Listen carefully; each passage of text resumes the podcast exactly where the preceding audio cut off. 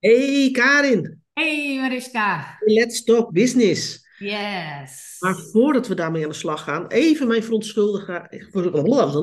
mijn verontschuldigingen aanbieden. Is, merk je ook hoe ingewikkeld ik het vind om verontschuldigingen aan te bieden? Voor mijn wat nasale geluid, want ik ben echt snips Ja, Dus ja, dan daar kun je niks aan doen. Daar hoef je ook ja, geen verontschuldigingen voor aan te bieden. bied ik ze een keertje aan. Pak het dan ook. Ja, oké. Nou, dankjewel. Maar zonder noodzaak. Ja, nou oké. Eh, we En gaan. laten we lekker aan de gang gaan. Want ik heb denk ik wel, er is zoveel gebeurd en zoveel aan de hand in, eh, Ja, in de wereld. Dat ik denk dat ik wel een leuk eh, onderwerp heb. nou, vertel. Nou, we hebben tegenwoordig al die grensoverschrijdende gedragssituaties. Op zich natuurlijk verschrikkelijk. Eh, maar eh, eh, en elke grensoverschrijdende gedragssituatie wordt wel weer gevolgd door een strikt onafhankelijk onderzoek. Ja, ja, ik, daar moet ik een beetje om lachen, want elke dag hoor je wel van nou, die is weer grensoverschrijdend bezig geweest en die. En er komt dan weer een strikt onafhankelijk onderzoek na. Eh, ja, ik, ik wil niet verkeerde dingen zeggen, maar het lijkt ook wel dat het, dat het alles nu onderzocht moet worden.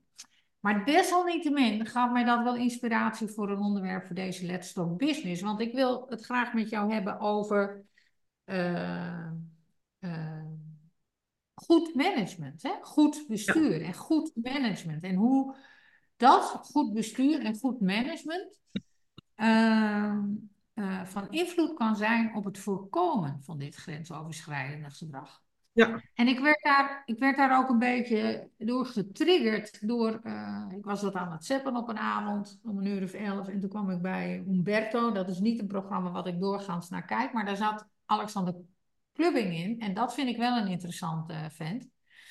Hij zat daar overigens in over een uh, onderwerp met de nieuwste uitvinding van, van Apple. dat, die bril waarbij je allemaal uh, apps uh, uh, geprojecteerd krijgt. ja.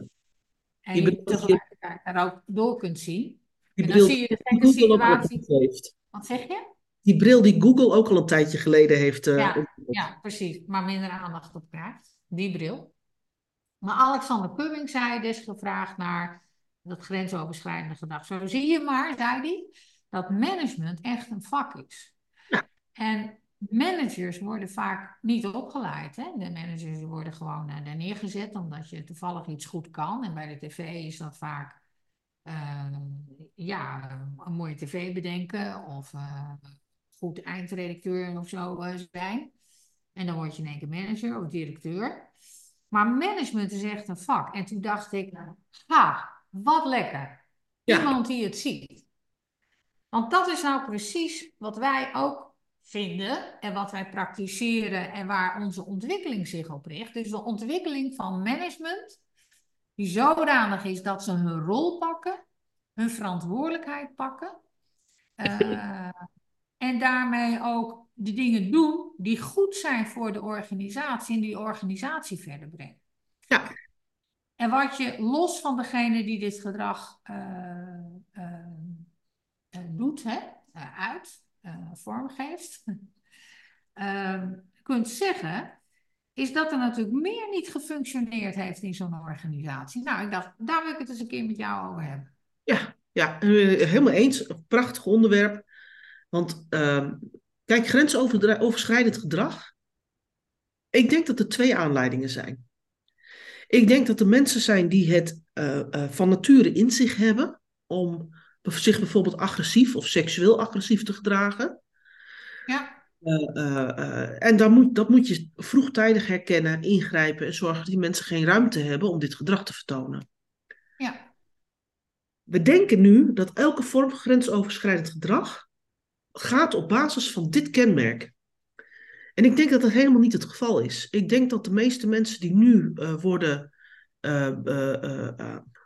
aangeklaagd voor grensoverschrijdend gedrag, dat het hele normale mensen zijn. Mensen zoals jij en ik, die in een omstandigheid terecht zijn gekomen waar verkeerd gedrag niet alleen getolereerd werd, maar eigenlijk al beloond werd. Ja, en niet meer, en niet meer gecorrigeerd. En, ehm, Daarmee dus ook beloond werd. ja, precies. Want hè, om je een voorbeeld te geven, uh, ik heb samengewerkt met een van de briljantste juristen van, uh, van Rabobank, zoals ik daarnaar kijk. Maar tegelijkertijd en een hele vriendelijke man. Iemand die, die, nooit grensoverschrijdingsgedrag in de zin van uh, uitbarsten, schelden of, of seksueel getinte dingen zou doen of zou zeggen. Helemaal niet. Maar hij had wel een andere type van zonnekoninggedrag. En daar zit het hem volgens mij op. Het is, het is op onderdelen zonnekoninggedrag. Hij was zo briljant. En op enig moment werd bepaald dat uh, uh, wij uh, bepaalde zaken in een bepaald systeem moesten zetten. Nou ja, en, de, en, en, en om dat te volgen, hè, dat was een besluit van de organisatie. En eigenlijk committeerde iedereen zich daaraan, behalve hij.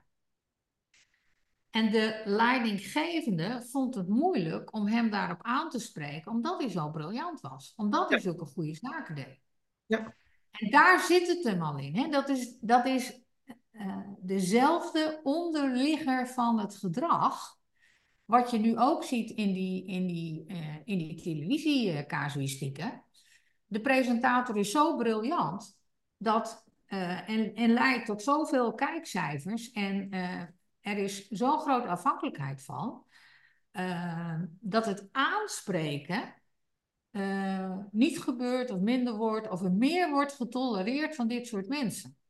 En daarmee worden die mensen ook in een positie geplaatst dat ze een, een slag apart zijn. Dat ze zich meer kunnen permitteren. Nou, ik, ik denk zelfs dat het proces nog anders loopt. Nou, vertel. Ik, ik denk dat do, uh, door het gedrag wat uh, iemand heeft in de organisatie te labelen als maar dat komt ook omdat hij zo briljant is, dat je daarmee afdwingt dat diegene dat gedrag moet blijven vertonen, omdat hij anders niet meer briljant is. Ja, ik weet niet of het daarin zit. Wat ik, wat ik... Ja, maar laat me het even uitleggen. Ja, ja nee, maar ik snap wat je zegt. Ja, maar misschien niet iedereen kent mij even goed. Dus laat ik voor, de, voor de opname even uitleggen. Zeg maar. Hey, Ga door, leg het uit tast mij niet aan dat mijn prima donna zijn, hè? Ja, ja, oké. Okay. Maar ik, ik denk, hè, door iemand een status aparte te geven in de organisatie. En neem ja. even jurist, die briljante jurist van jou, hè? Hij is zo briljant dat hij ermee wegkomt dat hij zich niet conformeert aan de reguliere procedures.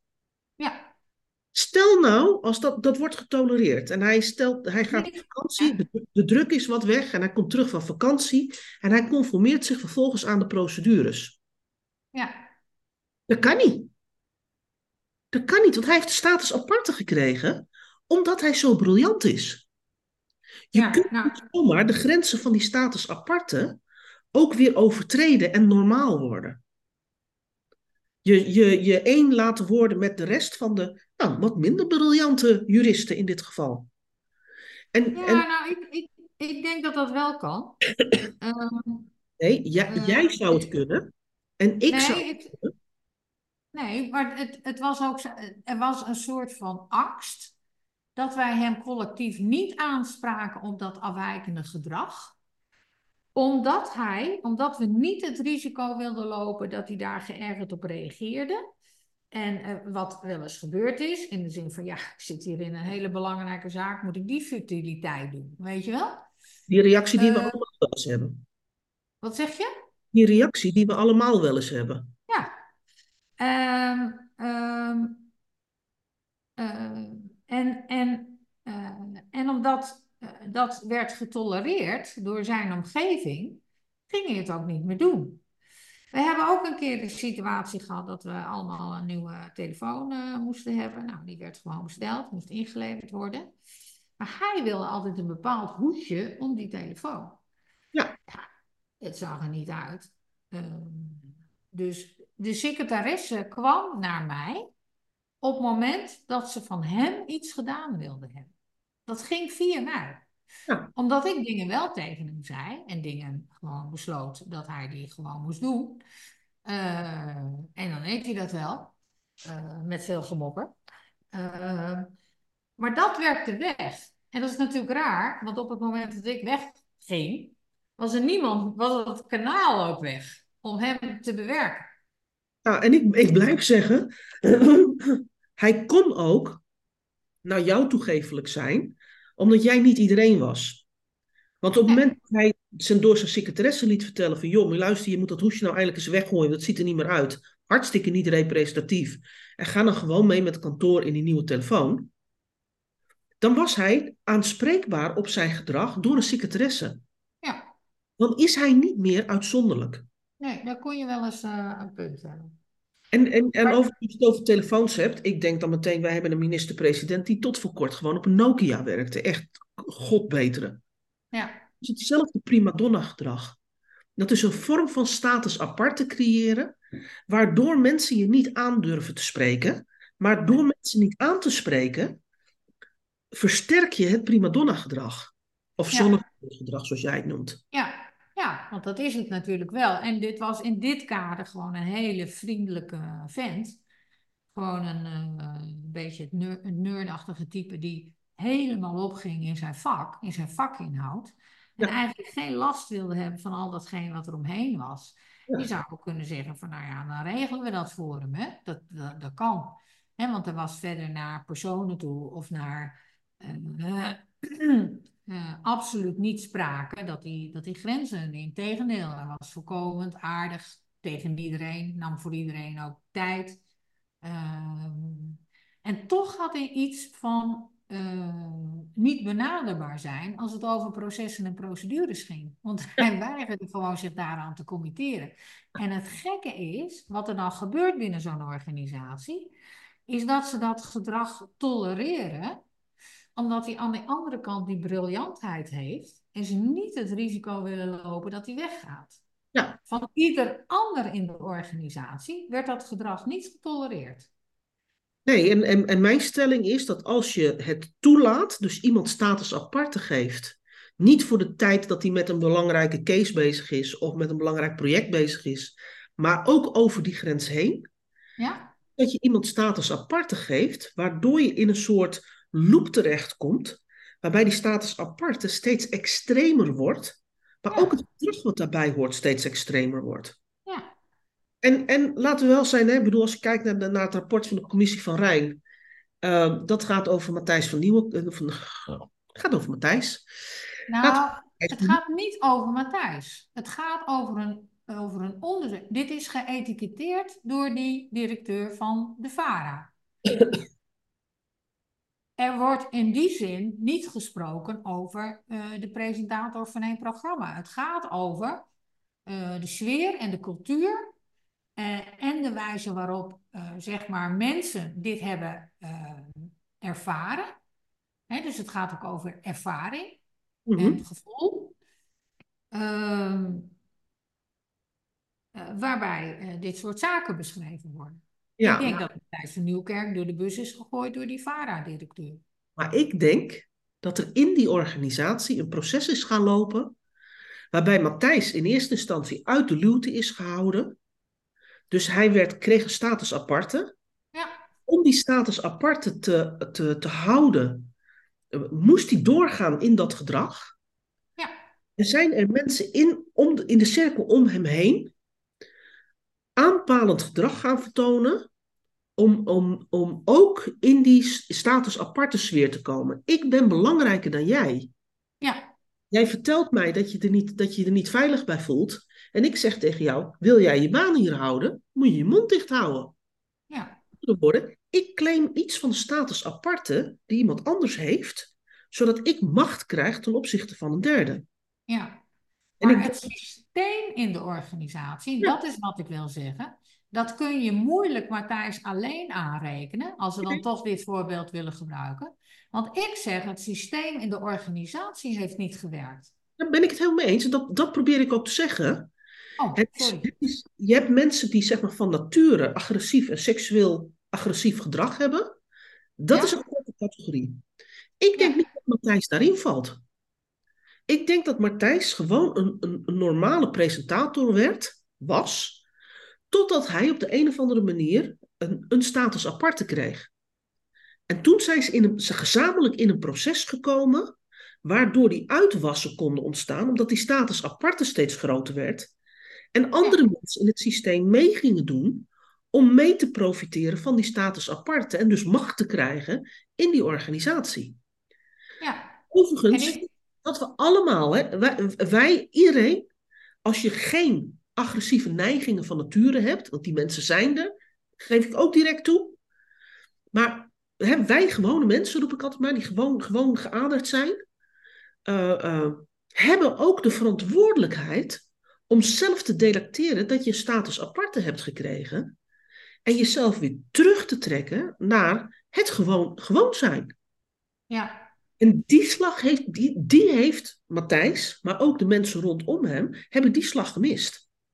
Ja, en ik denk dat de omgeving, want het is op enig moment heel moeilijk te zien, dat kan ook door een enkele functie komen. Hè?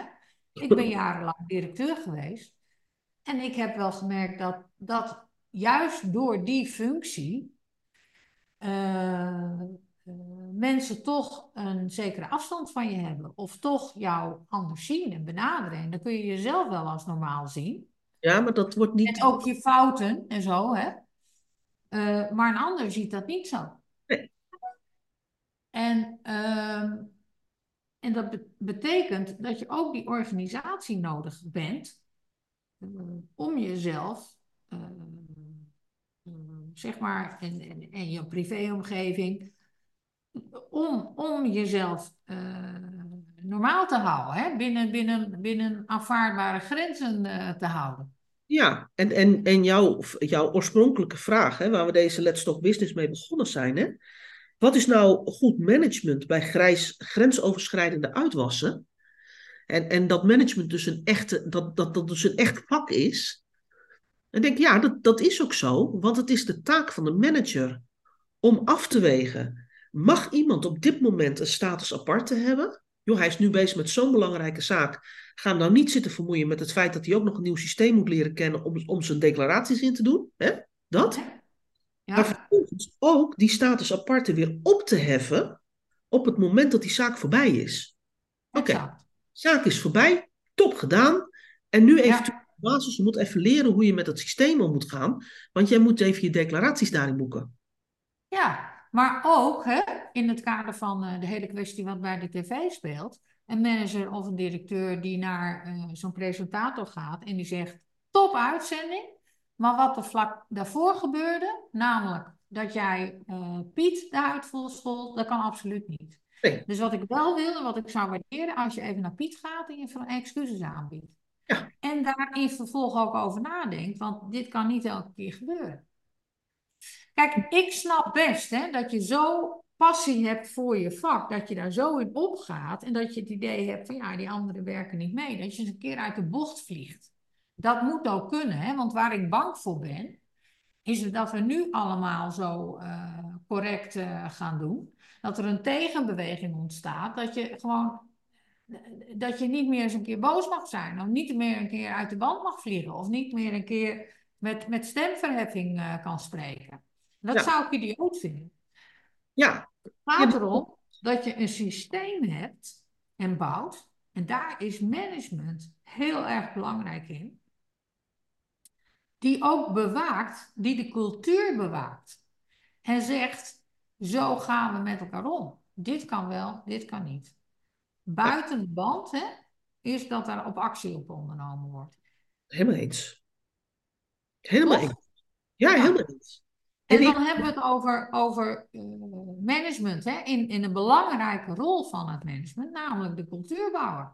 Ja, en ik denk dat rol een, een onderdeel daarvan ook is, is voor mensen die, uh, kijk, we werken in organi organisaties, zijn samenwerkingsverbanden tussen mensen om een bepaald doel te bereiken. Ja. Dat betekent dat de wereld draait door, was niet de show van Matthijs.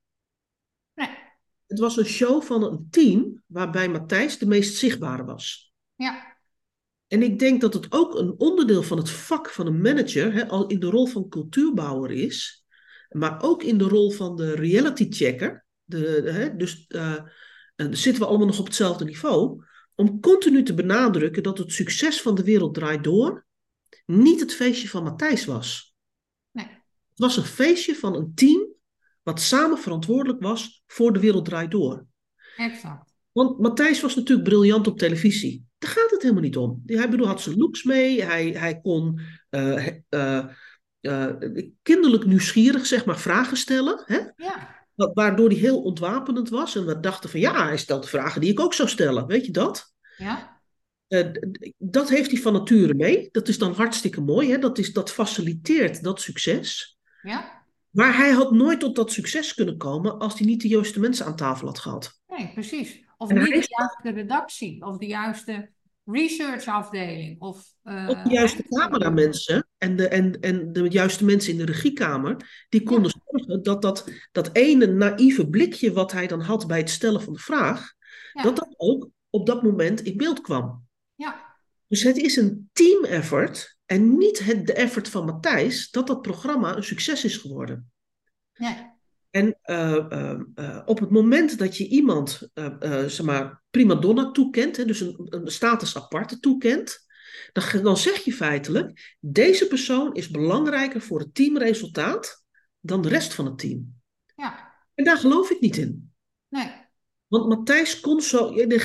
Matthijs is voor mij nu alleen maar nog maar een voorbeeld. Hè? Een, ja, ja, ja. Ik denk dat we daar ook wat van af moeten houden. Ja, maar, maar ik, ik snap wat je zegt. En dat is ook zo. Hij kon daarmee... alleen maar, maar hij kon ook alleen maar op dat moment vlammen, omdat alles om hem heen van tevoren geregeld was. Ja. En als het systeem is, hij moet, hè, nogmaals, ik ga het niet over Matthijs en ik weet het ook helemaal, ik ben dan nooit op de set geweest. Nee. Maar als je, als je een briljante geest, een, jurist, een, een, een productontwikkelaar, een verkoper hebt, die optimaal functioneert op het moment dat hij van tevoren adrenaline heeft opgebouwd en het dus nodig heeft om even iemand uit te kafferen van tevoren, en je constateert met het team dat dat nodig is om tot dat succes te komen, kun je met elkaar afspreken dat je bij toolbeurt je voor de prestatie laat uitkafferen. Ik noem het maar als voorbeeld, hè, omdat. Ja, ook, maar in dat geval, ja, maar in dat geval uh, nou, ik als manager, ook op basis van wederkerigheid kunnen zeggen, nou, was lekker, ben je klaar, hè? Ja. En daar raakt het je niet. Nee. Wat, je, wat, je, wat het vaak in dit soort situaties ziet, is dat het gaat over uh, afhankelijkheidsrelaties, hè, ondergeschikten, uh, uh, die, die bescherming verdienen. Dat en, weet ik. En die niet beschermd zijn. Nee, maar dat weet ik. Maar ik geef even een ander voorbeeld. Dat als je het wel als een team effort oppakt, dat het nog steeds kan zijn dat iemand adrenaline moet laden voordat je, voordat je een bepaalde prestatie kunt leveren. Ja. Maar dat je dan ook als team kunt zeggen van, joh, hoe gaan wij jou erin faciliteren dat jij die adrenaline oplaat? Ja. En dan is het niet meer persoonlijk. Nee, maar omdat, het, omdat, iemand een status aparte krijgt en aan alles moet wijken voor die ene persoon, want hij is degene die het succes zeg maar, veroorzaakt, is dat de rest ondergeschikt raakt. Ja. En, en dan zul je altijd zien dat mensen die in die status aparte worden geduwd, feilloos weten wie ze dan moeten pakken. En dat zijn per definitie de kwetsbaren. Ja. Dat is net zoals pesten op het schoolplein. Sterke kinderen worden niet gepest. Het zijn altijd nee. die het zich aantrekken die gepest worden. Waarom? Omdat het de pester veel meer oplevert dan te gaan kafferen tegen iemand die het niet uitmaakt. Nee, dat klopt. Maar mijn stelling in dit verhaal is dus ook, Mariska, kijk, alles wordt uh, toegeschreven aan uh, Matthijs, hè, die grensoverschrijdend gedrag heeft laten zien. Maar ik zeg, uh, en daar komt de jurist in mij, we hebben medeplegers. en dat is het management die de zaak hebben laten lopen. Ja, maar ik wil niet zo ver gaan als Joop van de Ende, die zegt, Matthijs is ook een slachtoffer. Nee. Dat gaat niet ver. Want Nee. hij, hij heeft wel die status aparte gehad en dat is, hem, dat is hem deels verwijtbaar. Maar hij mist het vermogen in zichzelf op dat moment om, om te beseffen dat hij iets doet wat niet kan. En ik vind dat je als mens daar ook verantwoordelijk voor bent. Ja, ja, maar dat vind ik ook hoor. Ehm, eh, dus eh, en laat dat eh, niet onbesproken zijn. Dat, vind- dat vind ik ook niet. De eerste verantwoordelijkheid ligt natuurlijk bij, de, bij degene zelf. Alleen ik zeg wel, je kunt met elkaar de dingen ook laten ontstaan. Of Ja. je kunt ook met elkaar zorgen dat zaken weer in het juiste perspectief worden gezet. Ja. En er eh, gecorrigeerd wordt binnen een systeem, hè, binnen het systeem van eh, management. Ja. Ehm, en, eh, en, en, en wat je ziet is dat dat corrigerend gedrag eh, er niet is geweest. En dat komt door de kijkcijfers, door angst dat een presentator, ik weet niet hoe zou, zou reageren, door, ik weet niet. Dus mijn oproep zou zijn, ook aan management, laten we nou met elkaar zorgen dat dit gedrag niet meer plaatsvindt. En, en zorgen dat er sterk management komt in organisaties. Ja. Die zich bewust zijn van een rol van cultuurbouwer. Ja, eens. Eens. En ik denk dat er nog iets meespeelt. En, en, dat, en, da- en daarom zou het extra belangrijk moeten zijn voor organisaties. Op het moment dat je iemand zo'n status aparte verleent, is het onmogelijk om nieuwe mensen klaar te stomen om die rol ook te pakken. En dat betekent dat op het moment dat zo iemand wegvalt, om wat voor reden dan ook, dat je meteen een opvolgingsprobleem hebt. Ja, In dit geval, Matthijs viel uit. ja, Er is geen vervanging gekomen. nee, Een programma wat ook prima onder een andere presentator had kunnen functioneren, als er tijdig iemand was klaargestoomd. ja, Kijk bijvoorbeeld ook even naar het wegvallen van Rutte. Rutte was op een gegeven moment ook onhoudbaar geworden. ja, De status aparte eh, had dus ook geen opvolger. nee, Dus hij, hij, laat, hij leidt feitelijk toe. Hè, en ik, ik, Dylan kan best een hele goede leider zijn van een politieke partij. mhm. Maar is natuurlijk wel gewoon onvoorbereid in het diepe geknikkerd. ja, ja, daar heb ik geen, eh, geen idee van, maar het zal, als jij dat zegt, ja. Ja, er is niemand die. Hij, zij heeft nooit naast Rutte gestaan. Nee, dat klopt. En dat is ook, dat was ook niet mogelijk, want Rutte had een status aparte. Ja, En eh, eh, eh, ja Ik die bracht dus een te grote schaduw mee om iemand anders te laten Ja. shinen. ja. Ja, En op het moment dat dingen zeg maar, worden ge- gelabeld als zijn: dit is het succes van het team, kan rustig iemand anders uit het team geleidelijk aan ook in de, in de schijnwerper komen. ja, die zou je ernaast kunnen laten functioneren of eh, hè, eh, al Ja. warm kunnen laten lopen of eh, ja, ja. En meters laten maken, zodat iemand niet de beginnersfouten maakt die er nu wel zijn gemaakt. Ja, ja. En dat, dat, dus ook voor de organisatie is het aan de ene kant snap ik de angst dat je zegt van joh, weet je, dit is mijn boegbeeld, dit is het gezicht. Wat gebeurt er? We moeten eigenlijk voorkomen dat diegene weggaat. Aan de andere kant, als je er niet op voorbereidt dat iemand uiteindelijk weggaat, weet je ook dat op het moment dat degene wel die stap maakt, om wat voor reden dan ook, je ook gewoon echt in je voortbestaan bedreigd wordt. Ja. Ja. Lijkt me trouwens in de tv-wereld nog wel lastig hoor. Want iemand wordt ook een ster bij de gratie van het publiek, hè? Dus Ja. eh, je zou dat in de vorm van eh, hoe dat programma was opgezet, de- aan de hand van een sidekick kunnen doen, hè? Die eh, langzaam eh, en ook eens laat overnemen op het moment dat iemand verhinderd is. Nou, je zou het ook kunnen doen door, door bijvoorbeeld iemand een rubriek binnen het programma te geven. Ja, en die Le- Helene Hendricks of zo, die is daar wel een goed voorbeeld van. Die is in haar eentje nu ook succesvol met een, met een voetbalachtig programma, of in ieder geval sportgerelateerd programma met daar ook entertainment om. En gewoon gasten zonder een agenda. Ja, Dat is wel een goed voorbeeld, denk ik, in dit eh, kader wat je nu noemt. Nou, ga eens kijken, zou ik zeggen. En dan niet eh, op inhoud, want ik denk dat je het programma verschrikkelijk vindt, maar gewoon even hè, bedrijfskundig. ja precies. Nou, dat, dat, Ja. je weet, dat kan ik. Ik kan die knop van eh, wat een geleuter, dat kan ik echt wel uitzetten. Ja, kijk daar eens bedrijfskundig naar een tijdje en dan. Ja. Nou, ik denk dat wij eh, ja, dit onderwerp, wat mij betreft, mooi besproken hebben. Ik, ik, ik zou dus hè, als uitsmijter een oproep willen doen van nou. Realiseer je nou ook dat dat management erg belangrijk is? Dat dat geen overbodige luxe is, dat dat geen snelle mannen zijn in dure pakken met een leaseauto. Hè? Die tijd die hebben we al lang gehad. Het gaat hier over professionals die zich bewust zijn van hun rol. En management op het middenveld hebben zes rollen te vervullen, waarin één van deze rollen, met name het zijn van cultuurbouwer, heel erg belangrijk is om dit, dit soort uitwassen uh, te voorkomen, voor te zijn, te voorkomen. En als ze zich voordoen, in goede banen te leiden. Ja, helemaal eens. En ben je daar nou nieuwsgierig naar? Ja, precies. Ja, dan zou ik zeggen, kom eens met ons in gesprek. Hè. De link vind je daar of uh, daar. Uh, en uh, laten we eens even van gedachten wisselen over wat wij eventueel binnen je organisatie zouden kunnen doen. Of welke problematiek er speelt binnen de organisatie en wat je daar zelf aan zou kunnen doen. Laat het weten. Ja. Nou, dat was nou, hem weer. Dat was hem weer, hè? Volgende week weer. Volgende week weer. Spreek je dan. Een vast weer een leuk onderwerp. Zo is het. Tot dan, hè? Hey, doei doei.